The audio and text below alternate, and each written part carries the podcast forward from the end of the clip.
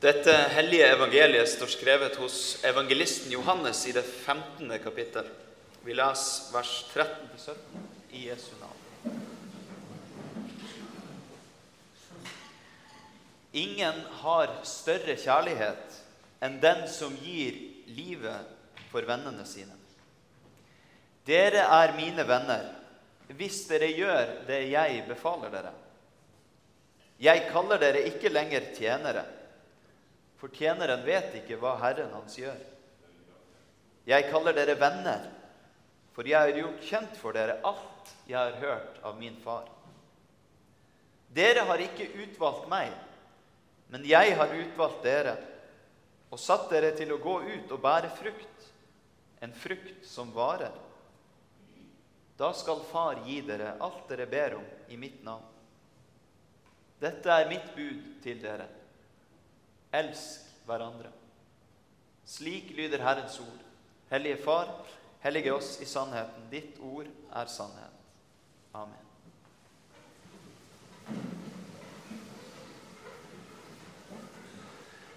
Ja, det dreier seg altså om vennskap i dag. Det er et godt ord. Det er et ord som gjør at vi blir varme i hjertet.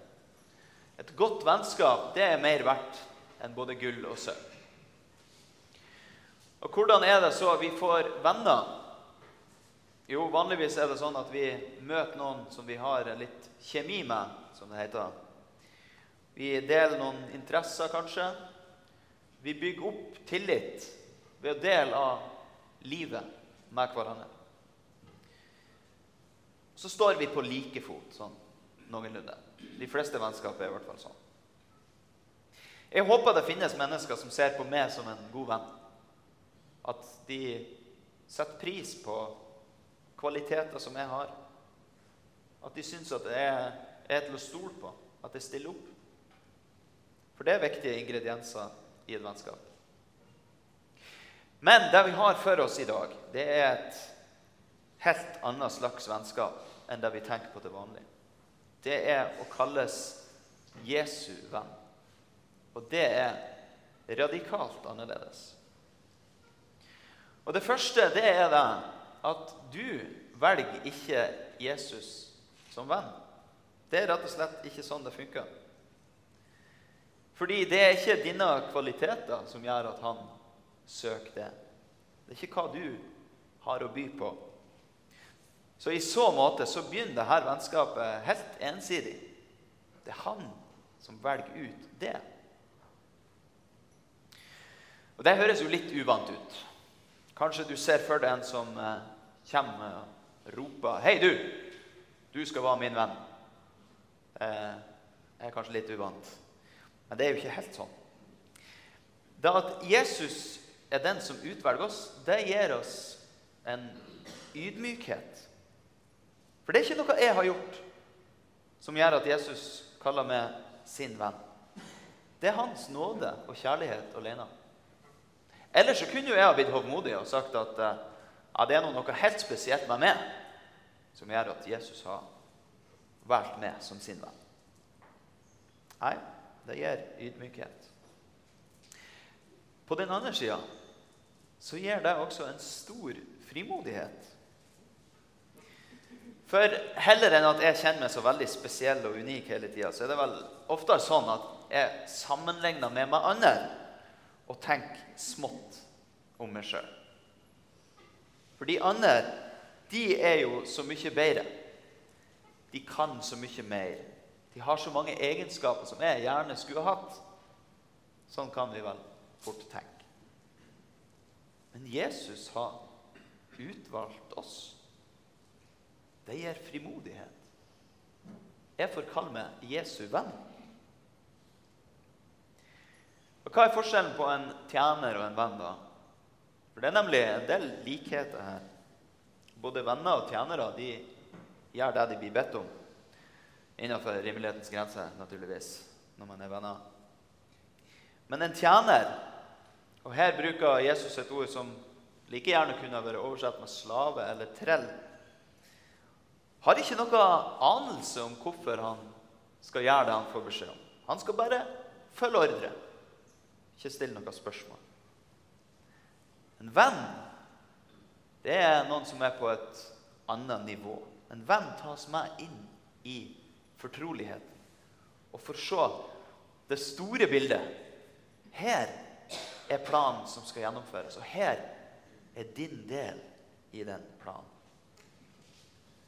Og det er nettopp sånn fortrolighet Jesus har med sine venner. For han har kunngjort for dem alt han har hørt ifra sin far. Han har fortalt dem om Guds rike, om hvordan Gud nå har sendt sin sønn for å finne det som var tapt. Han har undervist for dem, han har fortalt dem lignelser, forklart dem hva lignelsene betyr. Og han har avslørt selve kjernen i Guds frelsesplan. At sønnen skal lide og dø, og på den tredje dag skal han reises opp. Det fikk jo disiplene vite. Det var bare det at de ikke skjønte det helt før mye senere. Som Jesu venner så er vi lukka inn i denne fortroligheten. Tenk på det. At Gud har innlemma det i sin frelsesplan. Det er ganske stort. Jeg kan ikke engang plan- og bygningsplanene i Sandefjord kommune. Og så har jeg fått innsikt i Guds frelsesplan. Det er ganske enormt. Og så er det jo ikke sånn da at vi har svarene på alle spørsmålene vi grubler på. Sjøl presten har ikke det. Ja, det var jo ting sjøl Jesus ikke kunne svare på. Han kunne ikke si noe om dagen og timen for når han skulle komme igjen. Men det vi har fått vite, det er alt som er nødvendig for vår frelse. Sånn er det å være Jesu venn. Men sjøl om det er forskjell på å være tjener og venn, så handler det likevel om å gjøre det som Jesus befaler. Og Nå er det litt viktig å ikke misforstå. For jeg kan tenke meg det er flere enn meg som har vært borti den type venner som eh, er glad i å kommandere de rundt seg til å bare følge ens minste vink. Sånn er ikke Jesus. Men når vi tar imot vennskapet hans og den kjærligheten som ligger bak, da ønsker vi å gjøre etter hans vilje. Da blir det han befaler, noe godt for oss. Han vet hva som er best for oss, også når ikke vi er helt klar over det sjøl. Og så er Jesu venner satt til én konkret ting. og Det er å gå ut og bære frukt. En frukt som varer. Hva skal nå det bety for noe? Vi kunne jo tenke f.eks. på de åndelige fruktene som Paulus skriver om. Glede og fred. Og ja, det kan det jo være. Men hvor lenge varer de egentlig? De varer bare så lenge du lever. Og Hvis du tenker deg om, så er det sånn at det meste du kjenner, varer bare så lenge du lever. Men det fins noe som lever videre, noe som varer lenger enn oss. Og det er når vi bringer flere inn i vennskapet med Jesus. Det er den frukten som varer. På den måten så har jo troen båret frukt i 2000 år fram til vår tid.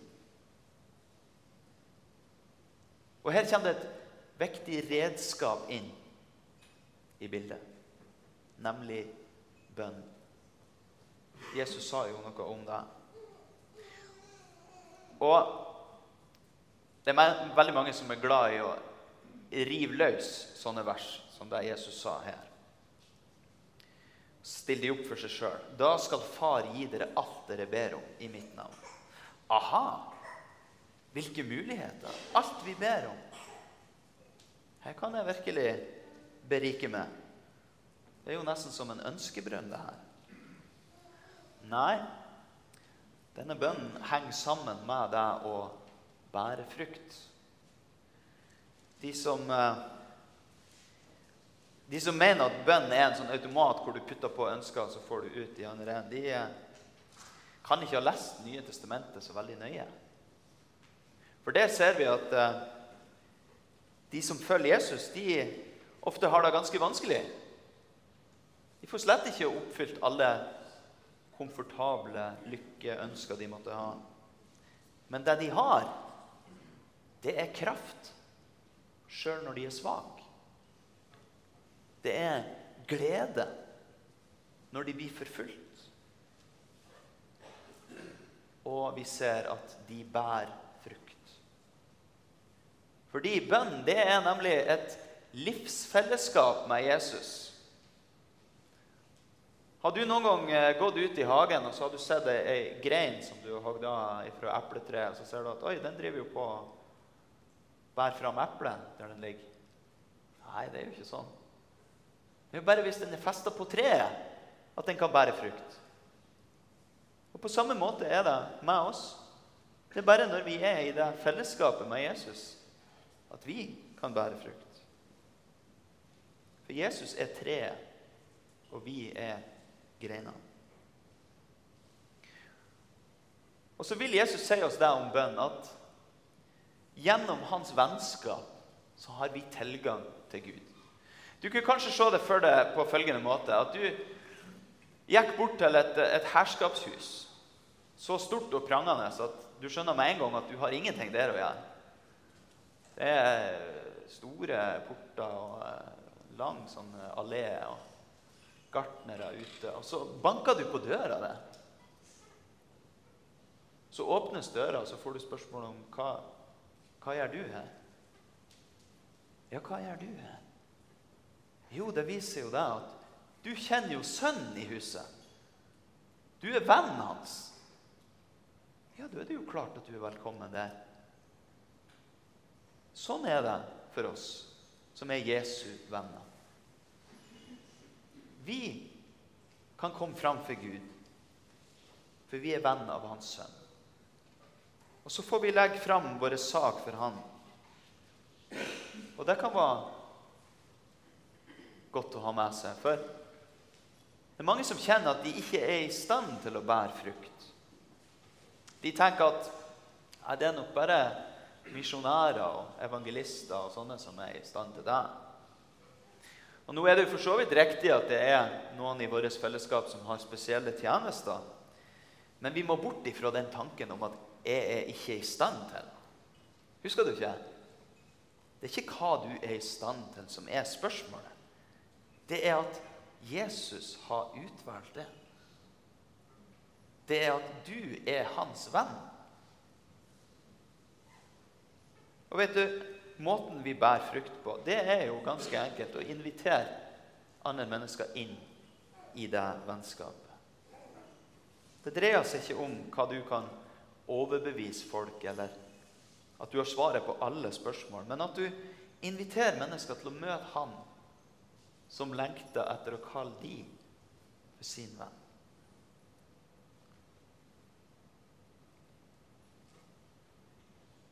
De fleste har jo venner nok. Hva er det som er så spesielt med denne vennen, da? Jo, det er at han har så stor kjærlighet at han gir livet sitt for dem. Det er jo sjølve kjernen i evangeliet.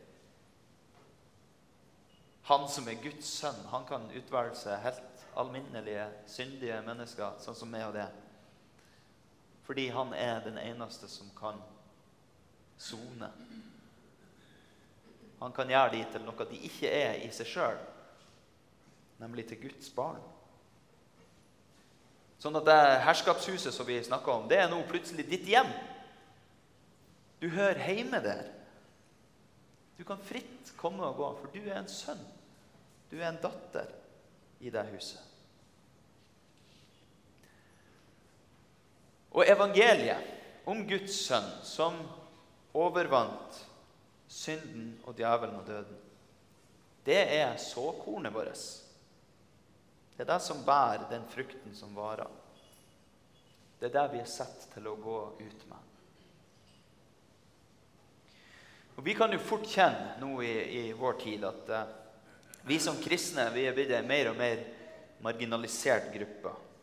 Kanskje hadde du noen gang hatt den følelsen at nå har jeg mest lyst til å være anonym. Jeg vil ikke at noen skal stille med de spørsmålene som leder fram til konklusjonen 'Å ja, du er kristen'. Ja, Kanskje det er bare jeg som har det sånn. Men hvorfor, hvorfor har vi det sånn? Vi trenger ikke å skamme oss over ordet om korset. Det er jo Guds kraft til frelse. Det er et godt budskap. Det er det ordet evangeliet betyr. Vet du hva vi har rundt oss? Vi har rundt oss mennesker som først og fremst leter etter én ting, og det er kjærlighet. Så er det mange som sier at de har funnet det i masse ulike former og varianter. Men vi kan vise dem en kjærlighet som er av en annen verden. Nemlig Han som elsker oss først. Han som gir opphavet til all sann kjærlighet. Og hans bud til oss, det er elsk hverandre. I dette fellesskapet som vi er, så skal den kjærligheten realiseres gjennom oss. Ikke fordi vi er mer spesielle enn andre mennesker, men fordi Han er midt iblant oss. Fordi Han elsker oss og har utvalgt oss. Å elske hverandre det handler jo ikke om at vi skal mate fram følelser som vi ikke i utgangspunktet har. Nei, det handler om å gi Jesus rom, sånn at vi ser han i hverandres ansikt. Så hans kjærlighet får fylle oss. Den kjærlighet som setter livet til, om det skulle være nødvendig. For kjærlighet er nemlig ikke følelser. Det er handling. Så er det et sitat fra Oldkirken, altså den aller tidligste kirke som jeg er så glad i. Fordi de som var rundt, de så på de her kristne. Og så var de så overraska. For de var vant til at de man elska og tok seg av, det var kun sine nærmeste. Sant? De som var i samme sosiale sjikt og i familie og sånn. Og så så de på de her kristne. De var rike, og de var fattige. Det var kvinner, og det var menn. Det var egentlig ingenting de hadde til felles sånn ytre sett. Og så sa, så de på de, og så sa de Se hvor de elsker hverandre. Hvordan går det an?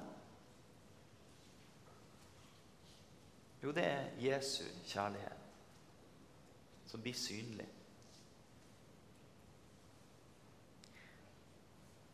Og så skal vi feire nattverd sammen i dag. Det er kjærlighetens måltid. Kjenner du noen ganger at det kan være vanskelig å tro at du kan være en Jesu venn? Ja, da skal du komme hit når du hører invitasjonen.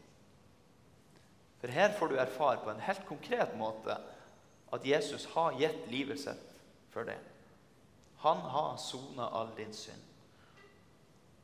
Han kaller det sin venn. Og så legger han seg sjøl i dine hender. I brødet og i vin.